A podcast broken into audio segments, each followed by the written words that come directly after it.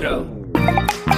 Welkom bij de recap show van Skip Intro, de podcast waarin we elke week terugblikken op een gloednieuwe aflevering van House of the Dragon. Mijn naam is Alex Mazereel en ik zit hier vanaf nu elke week met een wisselend gezelschap van serieverslaafden om House of the Dragon te gaan bespreken. En in deze eerste aflevering zijn dat natuurlijk de mensen zonder wie ik deze podcast nooit zou kunnen maken. De host van de Vierkante Ogen Show, Anna Luna Post, Hallo! Esther Krabbedam Hey. En Sikko de Knecht. Wingardium Leviosa. Zijn jullie een beetje hyped? Hoe is het gevoel? Ik ben super hyped. Ik ben echt heel enthousiast. Ik heb heel erg veel. Ik heb echt van deze aflevering genoten. Ik heb hem twee keer gezien. En ik heb heel veel zin in de volgende. Ja. Het borrelt en bruist ook om mij heen. Ik krijg van allemaal oude fans en goede vrienden krijg ik berichtjes met heb je al gekeken en wat hoop je daarin te gaan zien. Ik heb het gevoel dat dit, um, dit gaat ons weer samenbrengen. Je merkt dat er iets kriebelt in de Ja. samenleving. Dat, dat er een behoefte is om samen te komen voor, de, voor House of the Dragon. Tegen de versplintering. Ja. Esther? Ja, ik heb ook heel veel zin. Ik heb ook heel veel zin om met jullie weer te gaan podcasten hierover. Eh, maar ik heb heel veel zin ook in de volgende afleveringen. En eh, ik vind het ook heel leuk dat het hele internet weer helemaal hyped is. En er overal weer memes ontstaan. En Mijn tijdlijn, mijn Twitter-tijdlijn is gewoon weer wat het was. Ja. yes, Dat is fantastisch. overal draken. Ja. Maar het was ook all over the place natuurlijk de afgelopen jaren. Omdat zoveel streamingdiensten, zoveel series. Ja, iedereen had een beetje zijn eigen eilandje. En nu zijn we weer met het bootje naar hetzelfde eilandje aan het gaan. En dat is volgens mij heel fijn. Zo voelt dat wel echt. Eiland heet Dragonstone. Ja. Voordat we het over de aflevering gaan hebben, gaan we eerst even een waarschuwing geven. We gaan natuurlijk keihard spoilen in deze aflevering. Dus wees gewaarschuwd als je de aflevering nog niet gezien hebt. Tegelijkertijd hebben we geen voorkennis. Wij kunnen vooruitkijken, maar dat doen we niet. We houden ons gewoon eh, keurig in. We houden het beschaafd. We niet blijven met jullie meekijken. zouden Het is ons heel moeilijk. op die Ja. ijzeren troon moeten zetten. Ja. Wat een zelfbeheersing. Ja. Dat is heel knap. Maar we kijken dus nooit vooruit. Dus we weten ook niet wat er over drie weken gaat gebeuren. Dat is eh, het fijnst, denk ik. Skip intro. Het huis Targaryen verkeert op het hoogtepunt van haar macht. Met vele volwassen draken in bezit en ruim 60 jaar vrede en voorspoed. De serie begint in het negende jaar van de heerschappij van koning Viserys. 172 jaar voor de dood van de Mad King en de geboorte van Daenerys. Maar de geboorte waar het nu allemaal om gaat, is de geboorte van de potentiële nieuwe troonopvolger. En in zo'n geval weten wij als kijkers natuurlijk genoeg. De aanstaande bevalling kan niet goed aflopen. En uiteindelijk komt zowel de koningin als haar potentiële troonopvolger om het leven. En dat stelt koning Viserys voor een lastige keuze. Want nu heeft hij alleen nog de keuze tussen zijn rukzichtloze broer Daemon en zijn dochter Rhaenyra. En dat zal waarschijnlijk niet zorgen voor gezellige familieverjaardagen. De woorden in de proloog zijn zeer waarschijnlijk profetisch. The only thing that could tear down the house of the dragon was itself. Voordat we dieper in de aflevering gaan duiken, zal ik eerst even uitleggen wat we precies gaan doen. We gaan dus niet scène voor scène bespreken, omdat we dan waarschijnlijk uren bezig zouden zijn. Maar we hebben allemaal een spraakmakend, favoriet, schokkend moment meegenomen waar we het echt even over moeten hebben. Anna Luna, wat heb jij meegenomen?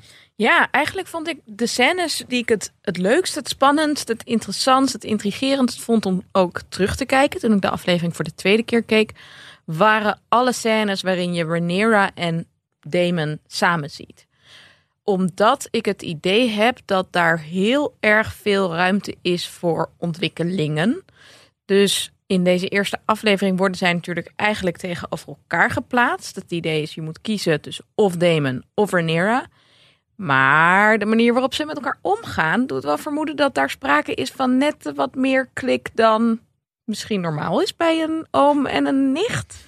Ik vond dit wel al op het randje van een beetje Het zijn Targaryens. de oude Game of Thrones met incest in aflevering 1. Maar vooral dachten, ja, weet je, als er straks misschien nog wel meer troonopvolgers komen, dan zit hier ook nog wel een leuk verbondje in of zo. Ja. Echt genoten van die scènes. Eh, en wat vond je van Matt Damon? No, sorry, Matt Smith. Eh, zeg maar zijn eh ontblote bovenlijf. Ja, leuk. Ik vond het ook heel goed dat van de hoofdpersonages die we dan nu meteen naakt gezien hebben, dat hij de eerste eigenlijk is. Was in Game of Thrones natuurlijk wel vaak een, een soort verwijt, toch? Dat vooral de vrouwelijke hoofdrolspelers zagen we naakt. Ik had een beetje een Kylo Ren, Adam Driver flashback uit Return of the Jedi. Was ik dan de echte enige? Nou, dat was wel nog een tandje gepierder, toch? Kijk nu even Esther aan. Ik was zeer content.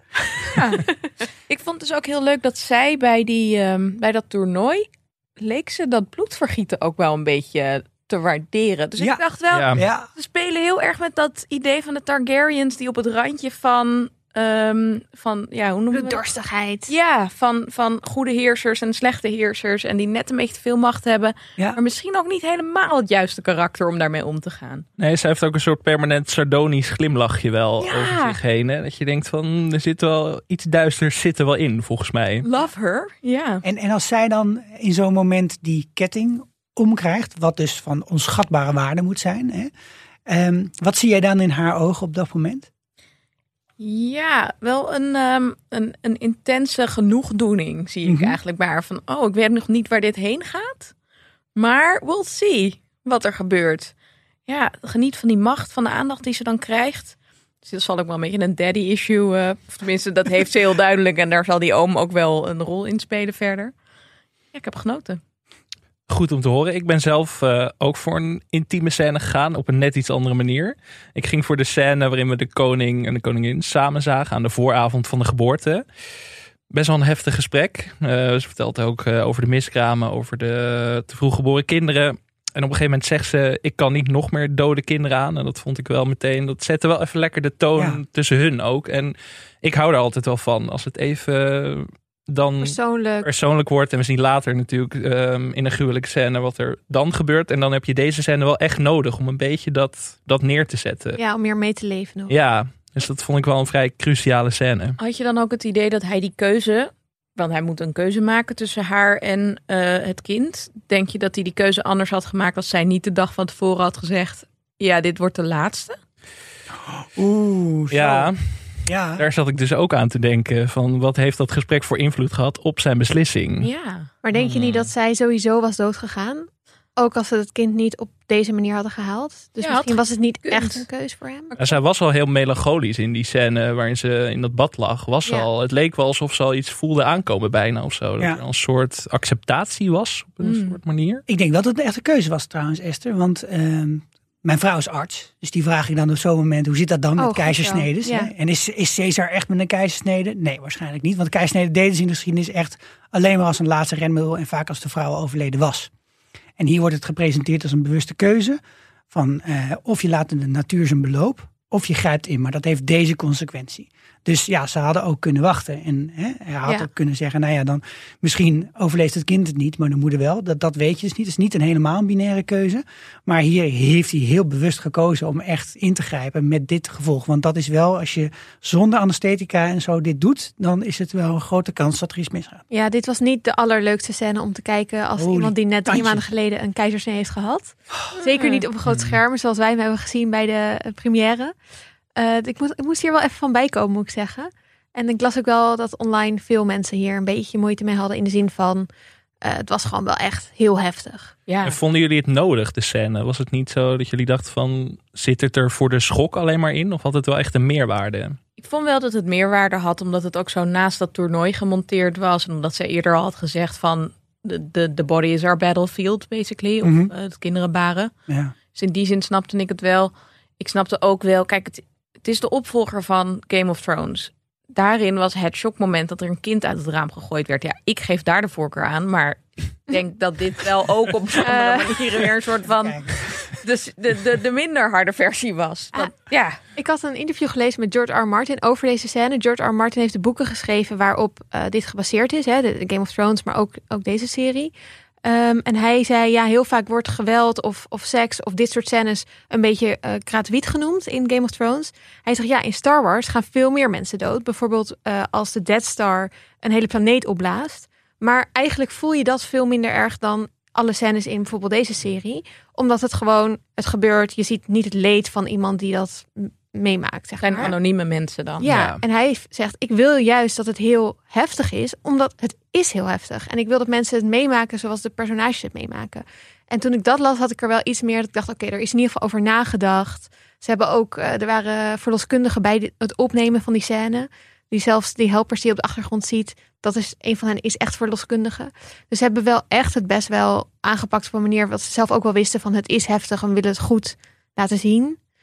Ja, dat geeft me daar iets meer vrede mee dat het zo heftig was.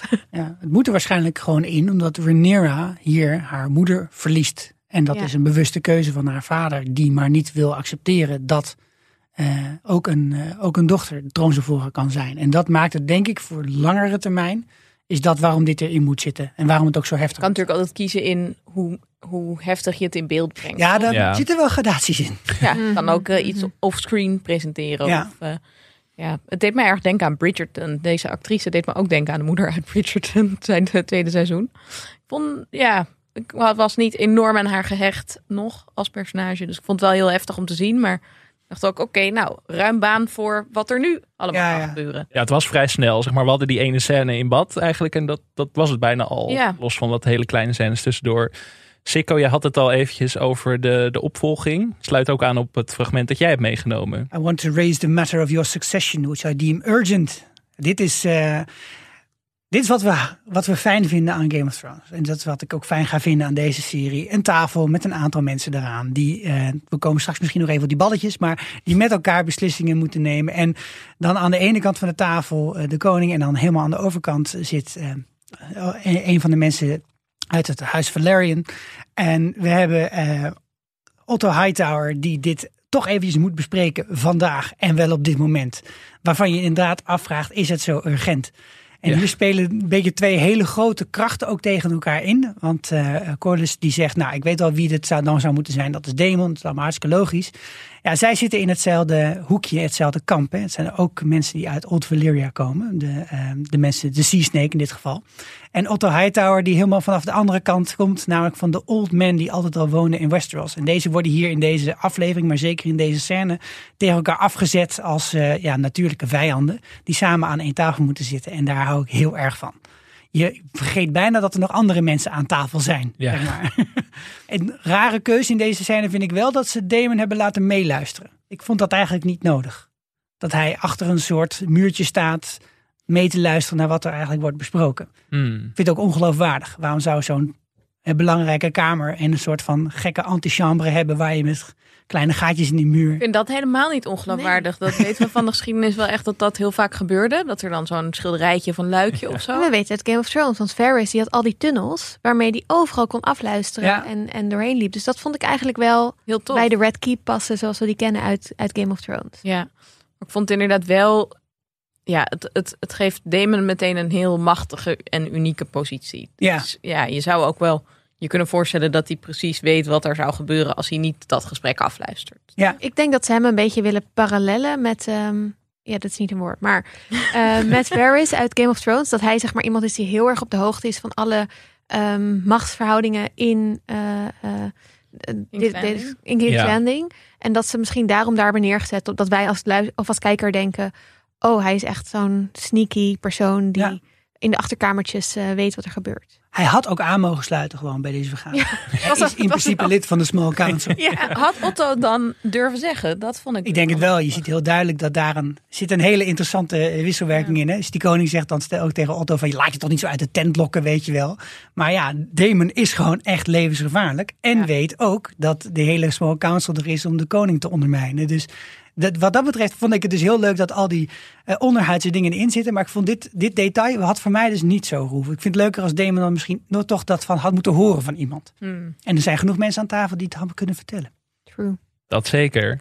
Esther, jouw fragment, jouw moment. Ja, mijn eh, favoriete moment was het eh, een beetje aan het einde dat Rhaenyra en Viserys samen voor die hele grote drakenskull staan. De, de, de draak van, eh, van Aegon the Conqueror. Hele grote draak. En die, eh, ehm, die scène vond ik heel interessant, omdat hij en een beetje de nadruk legt op eh, dat Targaryens ook maar mensen zijn als je die draken weghaalt. Ehm, eh, wat toch, hè, we worden gezien als goden door die draken. Maar ja, we zien hier ook in deze hele aflevering, ja, ze gaan ook gewoon dood in het kraambed. En zijn allemaal manipul- manipulatieve spelletjes aan het spelen onderling. Ehm, we krijgen in die scène een soort recap van waarom zijn de Targaryens eigenlijk hier? Vanwege een voorspelling over de doom van Valeria, het land waar ze oorspronkelijk vandaan komen. Ehm, en daarna Aegon de Conqueror, of Aegon zoals ze het uitspreken. Wat ook een beetje, nou ja. Ehm, Graag dialectjes. Hè? Eh, een soort van Brits accent bij alles. Eh, die, die een, blijkbaar een visioen had eh, eh, dat er een, een long night aan zou komen. Eh, ehm, eh, dat, dat er een, uit het noorden een, een dreiging komt en dat er een Targaryen op de troon in Westeros moet zitten. Wat ook verklaart waarom de Targaryens Westeros hebben eh, eh, veroverd uiteindelijk. Want het is ook een beetje gek eigenlijk als je terugdenkt aan de geschiedenis. Nou ja, Ehm, en wat natuurlijk de hele verhaallijn van Game of Thrones koppelt aan, aan deze serie. En dat vond ik echt best wel tof gedaan. Van mij hadden ze niet zo on the nose hoeven te doen met... En he called it The Song of Ice and Fire. Zo credits. Er zijn de heet de boekenreeks. Ja, dat, dat lag er iets te dik op voor mij. Ja. Maar ik vond het wel heel cool dat het eh, eigenlijk een theorie bevestigt die op het internet al vaak werd genoemd. eh, dat de Targaryens iets van die ja, toekomst wisten. Ehm, het past heel erg bij Targaryens, die heel erg geloven in, in dromen, in voorspellingen en daar ook heel vaak op ehm, acten. Dus, dus hun, hun acties daar ook uit voortkomen. Ehm, en wat ik een heel cool detail vond, is dat Viserys die dolk vasthoudt of in zijn eh, ehm, riem heeft of zo. Waarmee uiteindelijk Arya in seizoen 8 eh, ook daadwerkelijk eh, doet wat in die voorspelling wordt genoemd. Stabby, stabby. Precies. Eh, dus dat vond ik, ja, het waren allemaal nods naar de boeken. En, en eh, ja, ik vond het echt een soort diepere laag geven aan deze aflevering. Was cool. En hoe keken jullie naar... ehm, de makers hebben ook gezegd van... ja, we kunnen niet om de erfenis van Game of Thrones heen. Het is een beetje alsof je... Volgens mij heeft de maker gezegd... het is een beetje alsof je de Beatles moet opvolgen. hoe vonden jullie dat gaan in deze aflevering? Was het, eh, was het te veel Game of Thrones, te weinig Game of Thrones? Het was Precies zeker goed. genoeg Game of Thrones. Hè? Mhm. Eh, een, een, een vergadering over een toernooi, tournament. Een van die twee dingen is het. Eh, en dat het misschien een beetje duur wordt. En dan eh, trouwens wel een stuk chiquer toernooi deze keer. Ik zat nog even de beelden uit de eerste aflevering van Game of Thrones. Mm. Dat is in principe gewoon een veldje met een paar palen. Ja. Duidelijk meer geld, Serieus? Ja. business, zeg maar. Heel veel meer Ik denk dat dat een goede Ja. analogie is voor deze hele serie. Zeg maar. Ja. dat, dat voor alles is eigenlijk net wat meer eh, ruimte ingebouwd. Ehm, ze hebben volgens mij wel heel veel dingen geprobeerd erin te stoppen. In ieder geval in termen van beeld. Waardoor jij denkt, oh ja, dit voelt heel vertrouwd. En, eh, De nou ja, muziek. De Ja, bordelen. dat, ja. de bordelen inderdaad, ja. Ja, de muziek inderdaad. Ik, ik had heel erg het gevoel bij die muziek dat ze al wel heel erg bezig zijn om eh, jou zeg maar, een beetje onderbewuste te prikkelen met die oude deuntjes, zeg maar. Maar ook hoor je steeds een nieuwe variatie erop. Dus de- misschien duurt het drie afleveringen of het duurt vijf afleveringen, maar op een gegeven moment is het ook helemaal weg. En misschien krijgt het dan wel gewoon bijvoorbeeld ook zijn eigen introfilmpje.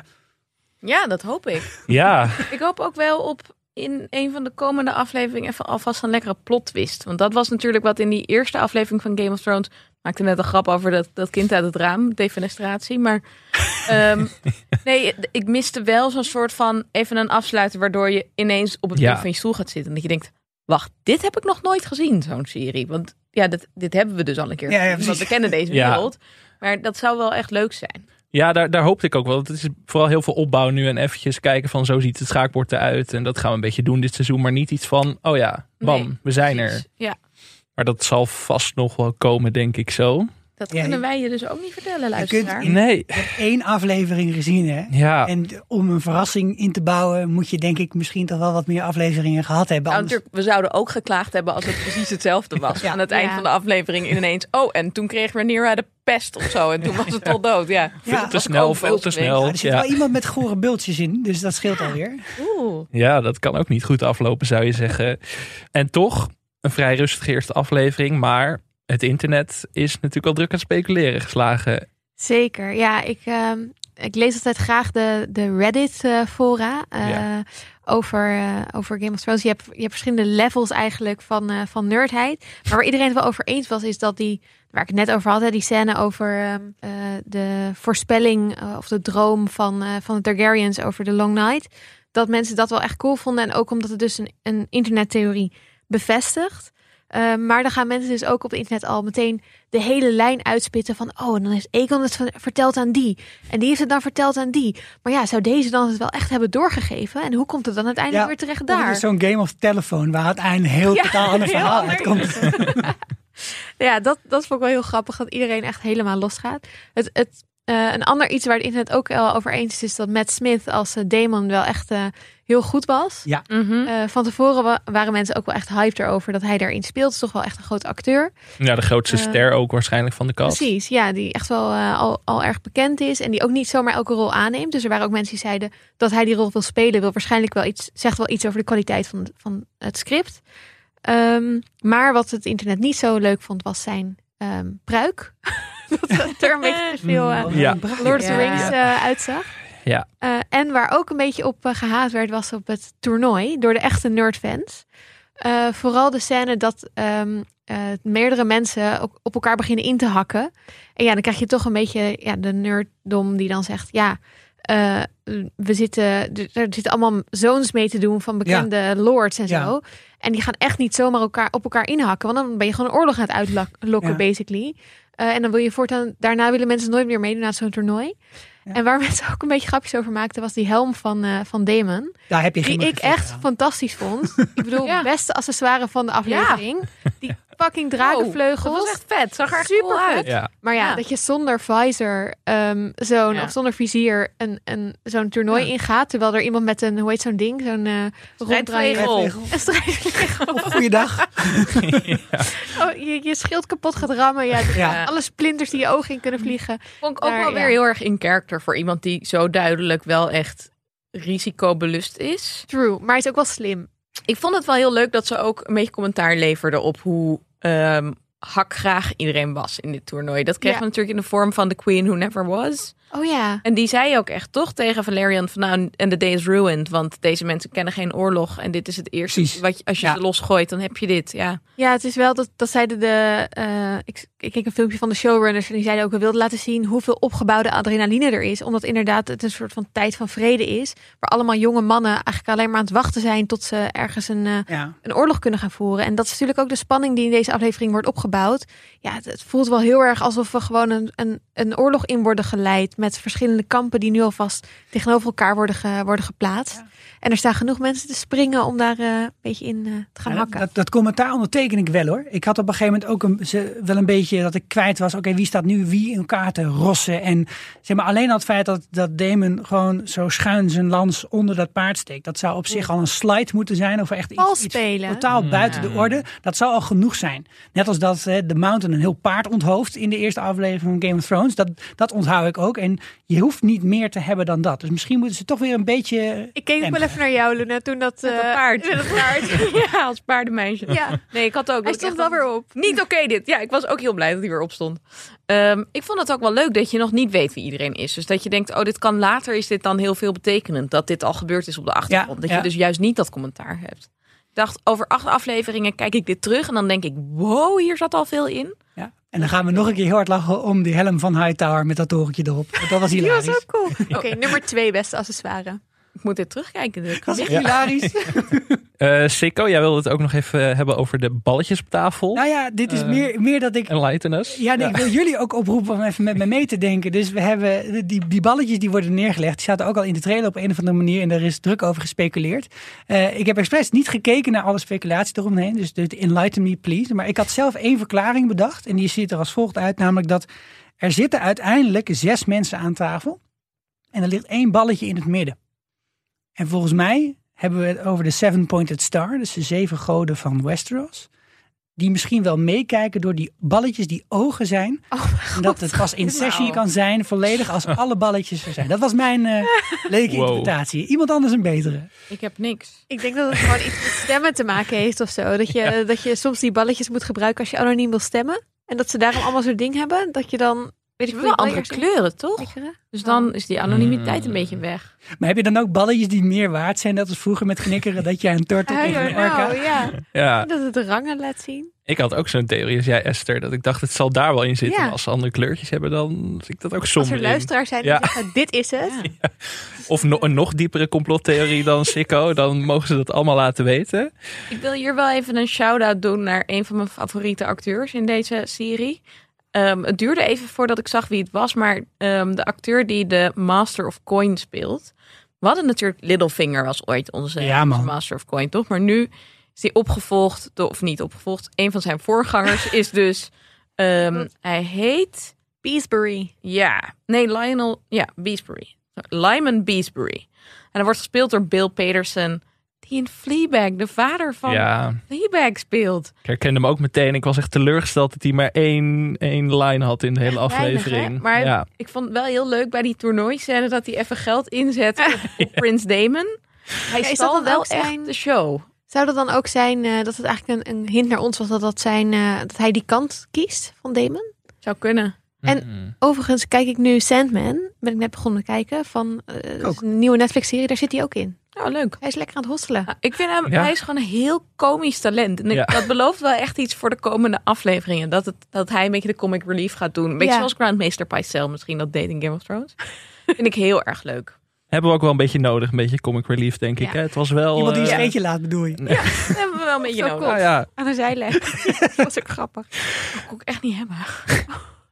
Anneluna, waren er nog meer mensen aan tafel waar jij het over wilde hebben? Nou, je hebt ook de Master of Laws. En toen vroeg ik me af, hadden we die eigenlijk in Game of Thrones? Eh, Was niet die die toen manier. Ik vind het wel iets voor ehm, King eh, Robert. Om gewoon te zeggen, laws, I don't care. Ja. Gaan we niet doen. ik kan heb niemand nodig die me herinnert aan de regels. Ja, Ah ja, er worden duidelijk ook de hele tijd eh, dingetjes gerouleerd. Dit is trouwens Lionel Strong die daar zit. de meest saaie van allemaal van de tafel, vind ik. Hij wordt ook steeds gewoon afgekapt. Dan zegt Ja. hij iets en dan gaat iemand anders gewoon heel iets Ja. anders doorheen zeggen. En de Grandmeester Mellos hebben we, die zit ook aan tafel. En volgens mij is er dan nog iemand van de, eh van de Fate die aan tafel zit. Nee, ik zat, te, ik zat te zoeken naar een scepter, maar ik zag hem niet. Hmm. Nee, we hebben nog eh, ehm, eh, de Sea Snake, Lord Valerian aan tafel zitten. Ja. Door mijn vriend meteen de Sea Snack genoemd, want hij verstond het niet goed. Een Sea Snack. lekker. Een seaweed snackje. Beter, denk ik. Ja. En sowieso het, het geloof in deze. eh, voor- ik denk dat veel mensen hebben gedacht toen je bij de openingsscène de draak King's Landing binnen zag vliegen van hé, hey, daar is de Sept of Baelor. Maar ik zat toch nog even te checken, maar die lijkt op geen enkele manier op de Sept of Baelor. Dus de kans is veel groter dat het de Dragon Pit Dat is. komt omdat Belar een koning is die na, de, hierna komt. Oké, maar dat, dat was een hele, wat is hele dat? dat is de Dragon Pit, ja. Ja. Ja, dus het, eigenlijk het hele ehm, kerkelijke, zou je kunnen zeggen, eh, dat komt pas over 50 jaar of zo met Ja. een andere koning, andere Targaryen. En daarom is hier Oh. de eh, religie nog veel minder een ding dan het Hmm, in... eh, toch weer min één voor de balletjes. Kijk. Ja, zonde. Otto Hightower hing trouwens wel een Seven Pointed Star in zijn kantoor. Oh ja. mm, Brave lul is dat. Ja, echt, hè? nou, wel zijn dochter een beetje pimpen. Ja, Ja. dat wel, ja. Nee. Zo braaf er ook Ik weer vond niet. wel vet dat je ziet dat hij aan allerlei touwtjes zo aan het trekken is. Ik vond het juist wel echt, het was wel meteen een soort van mijn lievelingspersonage. Ik denk, Ja? daar wil ik echt veel meer van weten. Nee, Ja, ik had het ook maar wel. Ik vind het heel leuk dat hij dus die saaie uitstraling heeft Ja. en aan de achterkant dan alles zit te bewerken. Dat vind ik ja, wel een beetje een boefje. Dat, dat vind ik altijd wel leuk, dat soort personages. Hij is echt heel machtig, want terwijl ze zitten te kijken naar het jousten, komt op een gegeven moment bericht binnen dat het echt slecht gaat met de koningin. En dat wordt niet direct verteld aan Viserys. Dat wordt aan Hightower verteld. Ja, maar dat doe je toch aan Ja. de hand van de hand of the king. Het gaat toch wel om, Logisch. zij, om de vrouw van de koning. Maar dat doe je ook vaak tegen de chief of staff of zo. Ja? In plaats van Zeker, meteen aan de ook in zo'n geval? Ja. Als Ik West. Wing kijk in de West Wing. weet je altijd eerst, eh, West Wing rules, oké. weet eerst Leo het en dan pas de, de president. Ik wilde zeggen koning, maar in Amerika maakt het nog niet zo uit. Laten we even gaan deepdiven. Want, Lekker. We hebben al een beetje gediepdived. want ja, we hebben al uh, flink gediepdived. Sikko, Oh. jij gooit het boek op tafel. Jeetje. Zo, ik ben er even stil van. Ja. Wordt hier trouwens wel heel raar omgaan met boeken in deze serie, vind je ook niet? Wordt gewoon iets uitgescheurd. Ja, zitten even lekker in de tuin eh, proefwerk voor te bereiden. Dan rukken een pagina uit een Ja. boek. Ik vond het wel een grappige scène ook om even zo de, de, de relatie Alicent en eh Rhaenyra neer te zetten. Van oh, Alicent is een beetje de braverik. Mhm. Rhaenyra wil graag met haar vliegen op haar draak. Zat daar ook een beetje een queer dingetje in? Dat gevoel kreeg ik Ja. wel een beetje, Ja, ja. hè? Vond ik ook wel grappig. Ja. ja. Maar eh, toen ging dat boek kapot. Jouw boek is niet kapot, Sikko. Mijn boek is niet kapot. Jouw boek is niet kapot. Wat, eh, jij hebt het boek gelezen. In Ja, en meer tot, mensen aan deze eh, tafel, ja, volgens mij. Niet, eh, wij, Anna Loen en ik hebben het niet gelezen. Nee, team. eh, Yes. Ja, dus wij kunnen de domme vragen stellen nu. Ja, Nee, kijk, voor deze eerste aflevering van zo'n recap-serie, eh, je hebt het al aan het begin gezegd, we gaan natuurlijk niks spoileren over wat er op pagina's in het boek komt of wat we al weten wat er verder in de serie zit. Maar ik wilde wel vandaag een appel doen of een soort van lekkermakertje erin stoppen. eh, dat, nou, mocht je wel mee willen lezen, dan hoef je niet het hele dikke boek te lezen. Je kunt bijvoorbeeld al beginnen op pagina 339 van het boek Fire and Blood. En dan zie je ook dat je ongeveer tot pagina 360 komt vandaag. En dat betekent door een, pagina, een boek met meer dan 500 pagina's dat er nog heel veel te gaan is. En ehm, we hebben het in onze Fris en Vurig liedje aflevering ook al kort gehad over de betrouwbaarheid van dit bronmateriaal. En eh, ook na vandaag en na deze aflevering gezien te hebben, weten we dat dit boek is geschreven door een meester die zich baseert op drie bronnen. Maar het begint zich ook af te tekenen dat deze meester die het heeft geschreven misschien ook niet heel betrouwbaar is. Dus nog meer redenen om het boek gewoon lekker wel te lezen. Ja, dus het is een boek geschreven door George R. R. Martin, die Dat ook wel, een ja, ja. boek heeft geschreven. Maar hij doet alsof het een boek is wat in die tijd is opgeschreven door, of nou ja, op een gegeven moment is opgeschreven door een soort historicus die allemaal bronnen uit de, deze tijd uh, uh, heeft teruggelezen. Dus zelfs als je het boek leest, weet je niet wat er echt gaat gebeuren. Want we zien het in de serie vanuit de point of view van de Targaryens. En dat zoiets het boek niet opgeschreven. Dan is het meer van, ja, en uh, toen men zei dat Daemon Targaryen toen een speech had gehouden over dat er de air voor voor day. Maar we weten niet of hij dat ook echt gezegd heeft. Overigens weten we dat nog steeds niet, want we zien het hem niet zeggen. Nee, nee dat klopt. Ja. Dus dat soort dingen zijn wel ook weer een beetje grappige nods naar, Ja. naar het boek. Ehm, ja, het blijft wel natuurlijk echt een spel van, dat kennen we ook van Game of Thrones. Eh, ho- ja, je kan gewoon zeggen dat, dat, dat hij dat heeft gezegd en de koning gelooft dat blijkbaar meteen. Hij gaat niet, voor zover wij zien, zelf onderzoek doen. Of, eh, hij Nee. vraagt het wel hè, aan Damon. Heb je het gezegd? En hij ontkent het niet. Nee. En er wordt ook wel door Otto gezegd drie getuigen. Ja, maar ja, Ja, we weten ook dat hij iedereen dat je iedereen ook kan regelen, omkopen. drie ja. getuigen. Maar goed, dat is, dat is wel grappig dat het nog steeds eigenlijk dat we denken, oh, nu komen we achter wat er echt is gebeurd. Maar dat, dat is dus niet Nee. zo. En echt is gebeurd, het blijft een serie. Ja, Het voelt toch een beetje een echte geschiedenis voor mij. en is dat Oh. ook zo bij het kijken dat jullie nu heel erg met het boek bezig zijn? Of kunnen jullie dat wel loslaten? Hoe is dat voor jullie? Omdat Ja, jullie voor, voor mij is het echt, met het boek. het is eh, een stukje lezen, kijken en dan ook weer teruglezen. Oh. Alsof je, eh, ja, dit, dit- ik bedoel, ik, heb, eh, ik ben niet de geschiedkundige hier aan tafel, maar dit vind ik dus echt leuk om te kijken van wat, de, want deze meester die het dan zogenaamd geschreven heeft, die, die leefde ook weer zoveel eh, hè, decennia of misschien honderd jaar later. Dus wat hier een regeltje is in het boek, dat is nog zo, dat kan zo drie afleveringen zijn in de serie. En daarom leg je die dingen een beetje naast elkaar om te kijken. Oh, wacht even, dit, dit was het toch echt. En hij zit te liegen. En je ziet ook in het boek zelf al wel dat sommige dingen elkaar al tegenspreken binnen de pagina's van het boek. Dus het levert heel veel op. Maar ja, dit, eh, voor mij is dit gewoon alleen maar smullen. Hoe moet dat ook voor de makers zijn om daar eh, al die balletjes in de lucht te houden? Dat moet toch... eh, Ja, Ik daarom op tafel dat het een soort herinnering Ja. is. Ja. Ja, ja. Dit Misschien, ja, dat moeten we allemaal nog doen. Al die verschillende kleurtjes. Ja. nee, ik vond het heel leuk dat er ook al heel veel. eh, ik heb het boek net niet helemaal weer teruggelezen. Maar er zitten ook al veel kleine verwijzingen in naar Game of Thrones, dus naar de serie. Eh, bijvoorbeeld bij dat openingsshot dat je de, een draak over eh, King's Landing ziet vliegen. Moest ik meteen terugdenken aan het laatste seizoen waarin we Daenerys over die stad zien vliegen. Daar is het dan echt een big thing dat er een draak over, over eh, King's Landing vliegt. Terwijl hier zie je gewoon mensen door de straten lopen. Die kijken niet op of om. Nee. Heel leuk contrast. Je ziet zelfs, eh, ze vliegt over een, eh Rhaenyra over een plein waar een standbeeld van een draak staat. Mhm. Ik denk dat dat, eh, of ik moest meteen denken aan het standbeeld van Baelor, waarvoor waar Arya bij zit als eh Ned Stark eh, Hmm. wordt onthoofd. Oh, ja. Ehm, dus dat eigenlijk daar zat toen een, een koning, maar eh, ehm, eh, nu is het een draak. Dus het, het laat soort van de macht zien van de draken vergeleken met eh, als we in Game of Thrones beginnen, dat die nergens meer Ja. te vinden zijn. Ehm, nou, die dolk waar ik het over had, dat we een Stark zien die een, de eet aan eh Rhaenyra aflegt, een Baratheon zien. Dus En een Dondarrion horen we over, toch? Mhm. Precies, en dan daar gevochten heeft of zo. Of een opleiding is geweest, die andere ridder. Ja, eh Cole, Cole, Sir. Ja, die hele... De hot, Ja, of. Doorn. Ja, Lobert. Doorn gaat het over. Eh, We zien die rode, rode bomen hè, met, met een gezicht erin. Dus ze hebben wel eh, ook dat soort gewoon in, in kleine dingetjes proberen ze het eh, eh, te koppelen aan wat we al kennen van Game of Thrones. En ik vond dat best wel goed gedaan. Het zijn leuke verwijzingen eh, die er niet. Ja, goed, er zijn ook dingen die er best wel bovenop liggen. Maar dit, dit soort dingen vond ik er niet te veel bovenop liggen. ja. Ik hoop dat jullie ook af en toe met jullie boekenkennis een beetje voor ons, Alex en mij Ja. en de rest van de luisteraars, informatie kunnen geven zonder te spoileren. Dus ik dacht, ik wil even weten hoe het zit met die koning Viserys en met zijn vrouw Emma. Want ja, de Targaryens, je hoort toch steeds, ja, die trouwen met elkaar. Dus ik wilde weten wat hun relatie was. Nou, blijken dus ook neef en nicht te zijn of iets dergelijks. Ehm, maar terwijl ik dit aan het opzoeken was, dacht ik natuurlijk, ah, aha, de incest show is echt helemaal terug. En het is ook nu ook gewoon niet eens meer een ding. Nee. In, het eer, in de Game of Thrones was het tenminste nog een soort van gênant. of verkeerd. En nu is het van, ja, dat is zo. Ja, toch, ja niks aan te doen. Ehm, maar ten tweede dacht ik ook, ja, je moet wel uitkijken met wat je opzoekt. Want dat staat dus dat A Wiki of Ice and Fire of zo staat natuurlijk dus ook vol met geboortedata, sterfdata, weet ik veel wat. Dus ik ging ook even wat drakennamen opzoeken. Ik wilde weten op wie, ehm, hoe de draak van Rhaenyra nou heet, Cyrex. Klinkt echt als een Pokémon.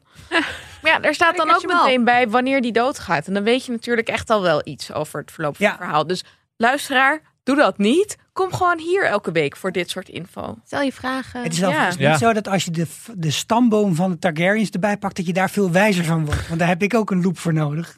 ja, dus Als je het met je neef en je zus gaat lopen trouwen, dan Nee, je- dat is heel ingewikkeld. daar zijn die dingen niet op ontworpen. Ja. Al die lijntjes. Het korte antwoord is gewoon incest. Het is er. Het is Ja. ja. Het is er. Hey, en als we nou vooruitkijken naar ehm, volgende week. We weten dus niks, om het nog maar even te benadrukken. Wa- Waar hopen jullie op? Wat hopen jullie zo snel mogelijk te gaan zien? Ik hoop eigenlijk zo snel mogelijk dat er een soort ehm, eh, spanning ontstaat tussen ehm Alicent en Rhaenyra. Want ik zei net al, het was een leuke scène waarin ze dan samen voor dat proefwerk leren. Dat was ook wel erg zoetsappig. En daarin merk je ook wel, nou dat gaat niet lang duren. Dus alles kan kapot. Deze vriendschap als eerste. Ja. En ze lijken dat ook aangezet te hebben, om met een klein stukje terug naar de deep dive, dat in de boeken zijn ze niet zo erg hetzelfde qua leeftijd. Oh ja, En hier worden ze echt naast elkaar neergezet als best buds, lekkere penvriendinnen, zeg maar. even oud. Dus dat, ja. dat vraagt om een goede fight. ja, zin in. Ja, eh Corlys Valerian begint natuurlijk al over zijn hobby, namelijk de zeevaardij. En over eh, een paar eilanden waar gezeik is met een eh, triarchy. Helemaal in de eerste Small Council die we zien. Ja, dat wordt natuurlijk niet voor niks ter sprake gebracht. Zoals we vaker in Game of Thrones hebben gezien. Is elk agendapunt is er uiteindelijk eentje wat een plotpunt wordt. Dus ik kijk er naar uit wat daar gaat gebeuren. Want dan gaan we hele nieuwe gedeeltes zien van, van Westeros. En ook in deze tijd, dat is ook bekend, is Doorn niet een deel van de Seven Kingdoms. Dus nog een kans om er iets leuks van te Leuk. maken. Ja, hoewel in Game of Thrones als ze naar Doorn gingen werd het niet per se heel erg goed. Dus... Nee, dus wie- eh, nog een kans. Ja, herkansing. Oké. Eh, ik hoop op een introfilmpje, want dat vond ik wel echt een essentieel ding Ja. van Ja. Game of Thrones. Ja, Waar is het super vette intro? Misschien dat ze het gewoon de eerste keer nog even niet hebben gedaan. Deze week nog in de Graaflandse. Ja, ja. Ja, ik vrees dus dat ze het helemaal niet meer gaan doen. Want heel veel series doen het niet meer tegenwoordig. Het is wel echt een ding van even een kort filmpje en dan Ja, gaan we weer door. Zo al die titel. Dat doorspoelen. Dat Ja, doe ik. hoor dat jullie Skip dat intro. doen. ja, het, Wat past, een barbaren. het past goed bij deze podcast in die zin. Maar Maar ik ben... deed ik dat nooit. Nee, nee, maar bij de beste series ook niet. Je Precies. kijkt gewoon, eh, Sopranos gewoon altijd twee minuten door blijven kijken. En dat Oh, had ja. hier ook Succession. gemoeten. Session. Succession ook. En de afleveringen duren toch al meer dan een uur. Dus dan maakt Ja. het, dat ene minuutje maakt ook niet meer uit. Nee, dus ik vind volgende week, ik hoop hier nog op dat, dat dit gewoon even de eerste aflevering uitzondering was.